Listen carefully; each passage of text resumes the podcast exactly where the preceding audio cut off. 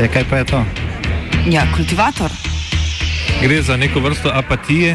To lahko reče samo kreten, noben drug. Socialni invalid in ga je ne mogoče urejati. Drugi kandidat.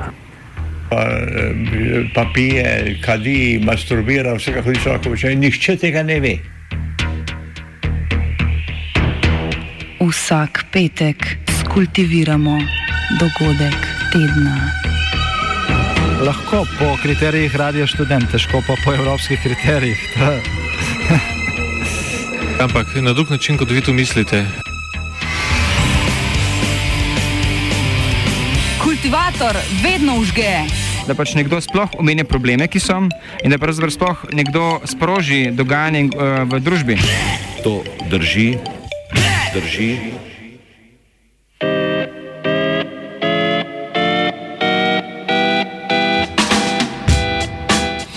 Nad Evropsko centralno banko le plavo nebo.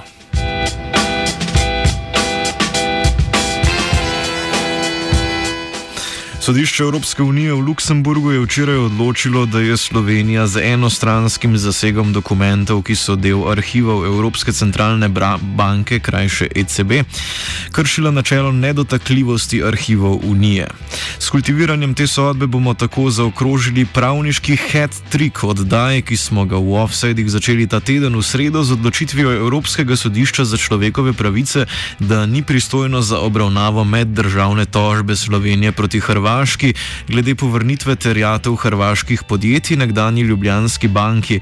V četrtek pa nadaljevali sodbo sodišča EU o neskladju mađarskih azilnih politik s pravom Evropske unije. Sodba, o kateri bomo govorili danes, je za Slovenijo pravni poraz, saj je veliki senat sodišča EU v celoti ugodil tožbi Evropske komisije. To politično neodvisno izvršno telo je tožbo v prejšnji sestavi pod vodstvom Žana Kloda Junkerja uložilo aprila lani. Kot ključen očitek je v njej navedlo kršitev nedotakljivosti arhivov, kar se je zgodilo v okviru kriminalistične preiskave v Banki Slovenije julija 2016. Preiskavo so izvedli zaradi sumov nepravilnosti pri sanaciji bank decembra 2013, ki je v svoji posledici povzročila izbris podrejenih obveznic in delnic bank. Čeprav je vsa preiskovalna dejavnost potekala v skladu s sodnimi odločbami slovenskih sodišč, je bila sedaj zaradi zasega arhivov, ki so nedotakljivi, v tem delu spoznana za nezakonito. Več, več o glavnem povdarku sodbe Verica Trstenjak, nekdanja pravobranilka na sodišču sodišču EU? Ja, torej sodišče EU je odločilo, da je Slovenija kršila nedotakljivost arhivov, tako kot ste povedali. Ja, izven eh, prostorov EU je mešano tudi, seveda, ker gre za prostore, za, za uh, dokumente, ki so pri Banki Slovenije. In uh, moramo pa sodbo razumeti tudi tako, da niso zdaj pa nasplošno čisto vsi dokumenti in vse uh, ti uh, arhive ECB, ampak uh, se to presoja na, na podlagi uh, torej na podlagi konkretnih aktov, eh, konkretnih dokumentov, ki so, ki so v spisu oziroma ki so v teh arhivih, ne, tako, oziroma ki so pri banki na razpolago. Eh, konkretno se bo sodišče še lahko, eh, torej tožilstvo dogovarjalo, kateri akti konkretno ne spadajo pod to, tako da ne pomeni, da je treba zdaj izočiti pa čisto vse, da več nobene dokumentacije sploh ni na voljo. Za dostopanje do in zaseg arhivov ECB, katerih nedotakljivost izhaja iz protokola o privilegijih in imunitetah k pogodbi o delovanju Evropske unije, bi morali slovenski nacionalni preiskovalni organi pridobiti izredno soglasje te institucije s sedežem v Frankfurtu, česar pa, kar je bil vse čas tudi argument Banke Slovenije, niso storili.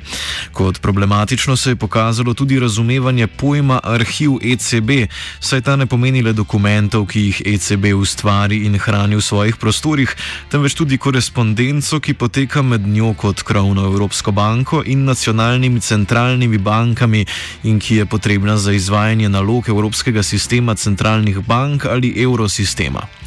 Arhivi ECB tako zajemajo tudi dokumente v posesti nacionalnih centralnih bank, je odločilo sodišče, a med temi dokumenti na Banki Slovenije so ne le korespondence med Ljubljano in Frankfurtom, ampak tudi dokumentacija o portfeljih bank, ki jih Banki Slovenije posredujejo komercialne banke, ki delujejo pri nas. Prav ta dokumentacija je ključna tudi za ugotavljanje finančnega stanja bank leta 2013, ko sta bila ugotovljena primankljaj ustreznega kapitala in izbris podrejenih obveznic. O tem, kaj bi po njegovem moralo spadati v arhiv Evropske centralne banke, nekdani guverner Slovenske centralne banke in nekdani predsednik nadzornega sveta Nove Ljubljanske banke. Kaj so arhivi Evropske centralne banke? Po mojem, po mojem razumevanju nič drugega kot eh, komunikacija ali pa navodila, če jih je, ki, ki naj bi jih Banka Slovenije dobila. Kaj ti to premoženje ene banke, druge banke, ne, se nahaja tukaj, tako imenovani bančni portfelj. Ne. To ne more biti arhiv eh, Evropske centralne banke. Ne. In zdaj za presojo, za presojo ne, je ravno ta tisti najpomembnejši, ker mi govorimo o tem, kakšna je vrednost tega premoženja, ki se nahaja v neki bilanci. Ne. Tukaj jaz nikdar nisem videl nobene definicije, kaj je en eh, arhiv, pa kaj je drug arhiv, ampak si na podlagi svojih izkušenj, tako v poslovni banki kot centralni banki, lahko kvečemo to uh, razlagam. Na drugi strani, ne, vi veste, da domača centralna banka je odgovorna državnemu zboru. Državni zbor je tisti, ki izvoli guvernerja, viceguvernerja. Ker so slovenski preiskovalci zasegli veliko količino dokumentov, je sodišče EU presodilo, da so ti nujno vključevali tudi dokumente, ki so del arhivov ECB. Ker slovenski organi v okviru postopka ugotavljanja kršitev evropskega prava ECB niso dovolili, da bi med zaseženimi dokumenti opredelila tiste, ki so povezani z izvajanjem nalog Evropskega sistema centralnih bank in evrosistema in so torej del arhiva Unije, prav tako pa teh dokumentov Banki Slovenije niso vrnili, je sodišče nadalje ugotovilo še kršitev načela obveznosti lojalnega sodelovanja Slovenije z ECB. Ja, to načelo lojalnega sodelovanja, veste, to je ena od takih širokih pravnih eh, dikcij, katero je potem treba v praksi, torej v sodišča v praksi razlagajo. Načelo lojalnega sodelovanja zahteva od držav članic, od vseh držav članic, da z uh, inštitucijami EU sodelujejo, da se odzivajo. Namreč vsaka država članica Eh, bi želela v nekaterih primerjih, da ne sodeluje, tako glede prevzemanja migrantov, naprimer nekatere države, nekatere druge države, glede eh, stanja pravne države, ne, kako je treba obveščati, kaj ni treba obveščati. Tako da načelo lojalnega sodelovanja to zahteva in tukaj sodišče EU ugotovilo, ker Slovenija z Evropsko centralno banko ni, ni sodelovala, da je kršila to načelo. Mogoče dodam še to, da sami vemo v Sloveniji, da je to načelo seveda zelo pomembno, da ga treba spoštovati. Vse smo se tudi sami kot država Slovenija na njega sklicevali v sporih proti Hrvaški. Ko smo mi to žili v spori, tako glede Irana kot glede arbitraže, smo se sklicevali tudi na, na to načelo lojalnega sodelovanja. Odločitev sodišča EU je dokončna, na njo se ni mogoče pritožiti. V evropskem pravnem redu bo sodba sicer dobila posebno mesto, saj velja za precedenčno. Zdaj ne povdarim, da so sodbe sodišča EU eh, obvezne v vseh državah članicah, ne, ne samo v tisti državi članici, na katero se jo nanašajo, kar pomeni, da jo morajo spoštovati tudi druge države članice, kadar gre za ta razmerja z Evropsko centralno banko. Uh, imamo podobne sodbe, sicer podobne, pravim, enake, tudi glede drugih inštitucij. Ko sem bila že generalna pravobranilka, je bila zadeva komisija proti Nemčiji glede pristojnosti Evropskega računskega sodišča v razmerju do Nemčije, ne, ker se je Nemčija tudi sklicevala na številne pravne akte, da nekih do, dokumentov ne bi eh, bilo potrebno pokazati ali kako naj se izrazim, vendar je sodišče tudi takrat odločilo Nemčije, torej izgubila v tistem postopku v odnosu do torej, glede tožbe komisije. E, tako da tudi ta e, tožba, sodba pardon, je sedaj obvezna vseh državah članica, vse jo morajo upoštevati. Sodba je zanimiva tudi zato, ker je primer posega evropskih institucij v suverenost držav članice Unije, kar pa z pravnega vidika ni problematično, saj so te na to pristale.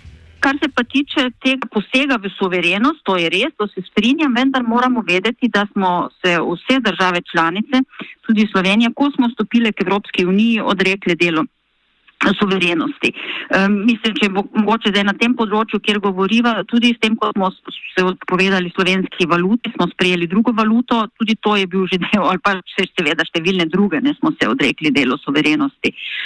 Uh, tako da zdaj uh, tukaj uh, je seveda nek dodaten poseg v suverenost držav članic, ker se vloga Evropske centralne banke izredno krepi. Eh, tudi v nekaterih drugih postopkih, vendar pa moramo vedeti, da je tukaj v ozadju razlog, ki pravzaprav to nekako konče omogoča ali pa upravičuje in to je skupna valuta, ki jo imamo, to je evro.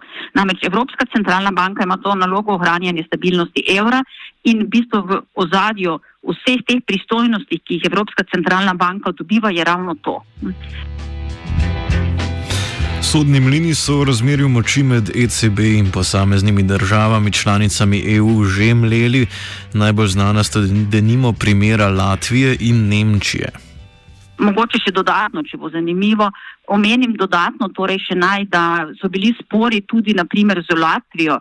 Evropska centralna banka je posegla v, v postopek razrešitve latvijskega guvernerja centralne banke v zvezi s postopkom korupcije.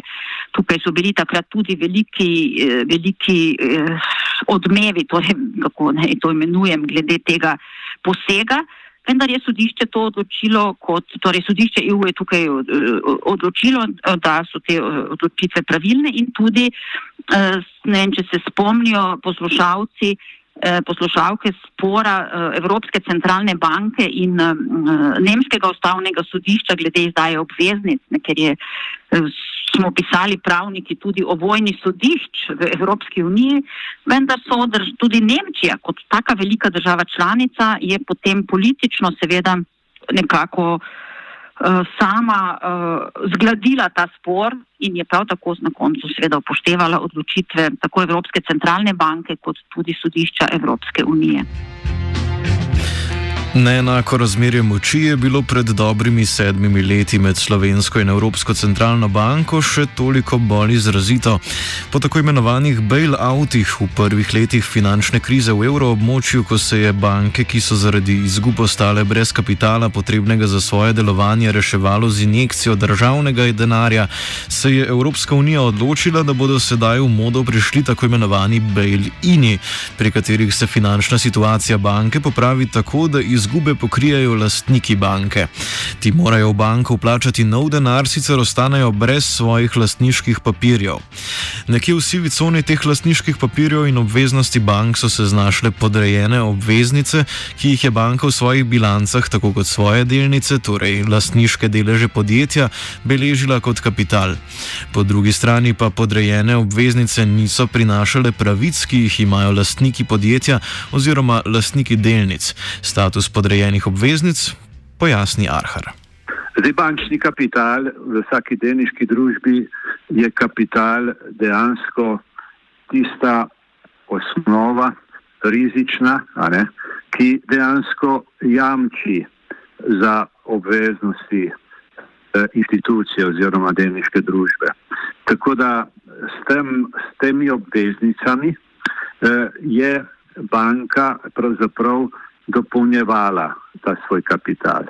In ker so obveznice zaradi tega dejstva, da nadomeščajo kapital, eh, pač bolj tveganje, je bila tudi obresna mera bistveno višja, kot so bile navadne vloge. Sodbo so z zanimanjem pričakovali v Društvu malih delničarjev Slovenije, v katerem si prizadevajo za poplačilo obveznic, ki jih je Banka Slovenije v postopku sanacije bank izbrisala. Njihov pogled predstavi Rajko Stankovič, predsednik omenjenega društva. Evropsko sodišče je v bistvu se izreklo uh, za nedotakljivost arhivov ne na osnovi dokumentov, saj niso vedeli, kateri dokumenti so bili zaseženi, ampak na osnovi tega, da je bilo veliko dokumentacije zasežene in so šteli, da je verjetno med to dokumentacijo tudi del, ki zadeva arhive.